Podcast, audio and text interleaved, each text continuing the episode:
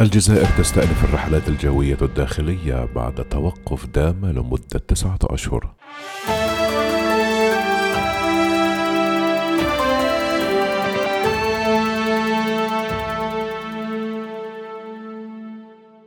أعلنت السلطات الجزائرية أن الرحلات الجوية الداخلية المعلقة منذ السابع عشر من مارس المنصرم في إطار التدابير المفروضة للحد من تفشي فيروس كورونا المستجد ستستأنف في السادس من ديسمبر مقبل.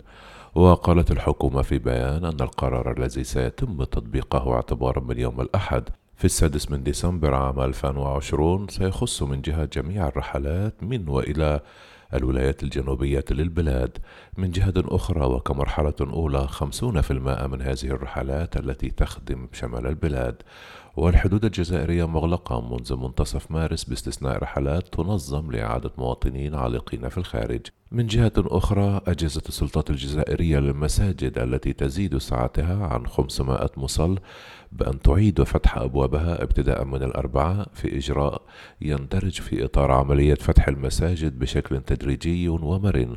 ومراقب من قبل السلطة العمومية ويأتي بعد سماحها في منتصف أغسطس لتلك التي تزيد سعتها عن ألف مصل بإعادة فتح أبوابها. بالمقابل وسعت السلطات قرار حظر التجوال الليلي من الثامنة مساء وحتى الخامسة صباحا. الثاري في 32 ولاية من أصل ولايات البلاد الثمانية وأربعون ليشمل ولايتين إضافيتين وذلك لمدة 15 يوما. وخلال هذه الفترة سيتم في هذه الولايات الأربع وثلاثون تمديد العمل بالتدابير الصارمة للحد من تفشي الوباء والتي تشت تشتمل خصوصا على حظر أنشطة القاعات المتعددة الرياضيات والقاعات الرياضية أماكن التسلية والاستجمام وفضاءات الترفيه والشواطئ ودور الشباب والمراكز الثقافية.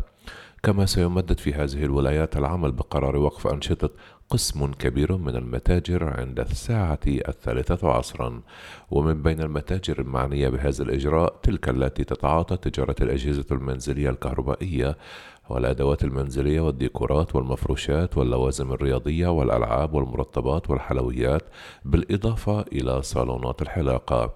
كذلك يتعين على المقاهي والمطاعم ومحلات الأكل السريع في هذه الولايات أن تقتصر أنشطتها على البيع المحمول فقط وهي أيضا ملزمة بالغلق ابتداء من الثالثة عصرا ذكرت الحكومة في بيانها باستمرار العمل بقرار منع كل تجمعات الأشخاص مهما كان نوعها والاجتماعات العائلية عبر كامل التراب الوطني ولا سيما حفلات الزواج والختان وغيرها من الأحداث بما في ذلك التظاهرات السياسية.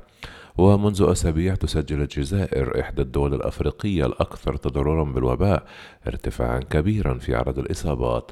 وتخطى عدد المصابين بالوباء في هذا البلد 82200 مصاب منذ الخامس والعشرون من فبراير المنصرم حيث سجلت أول إصابة وتوفي منهم أكثر من 2400 شخص وذلك وفقا لآخر تقرير صادر عن وزارة الصحة.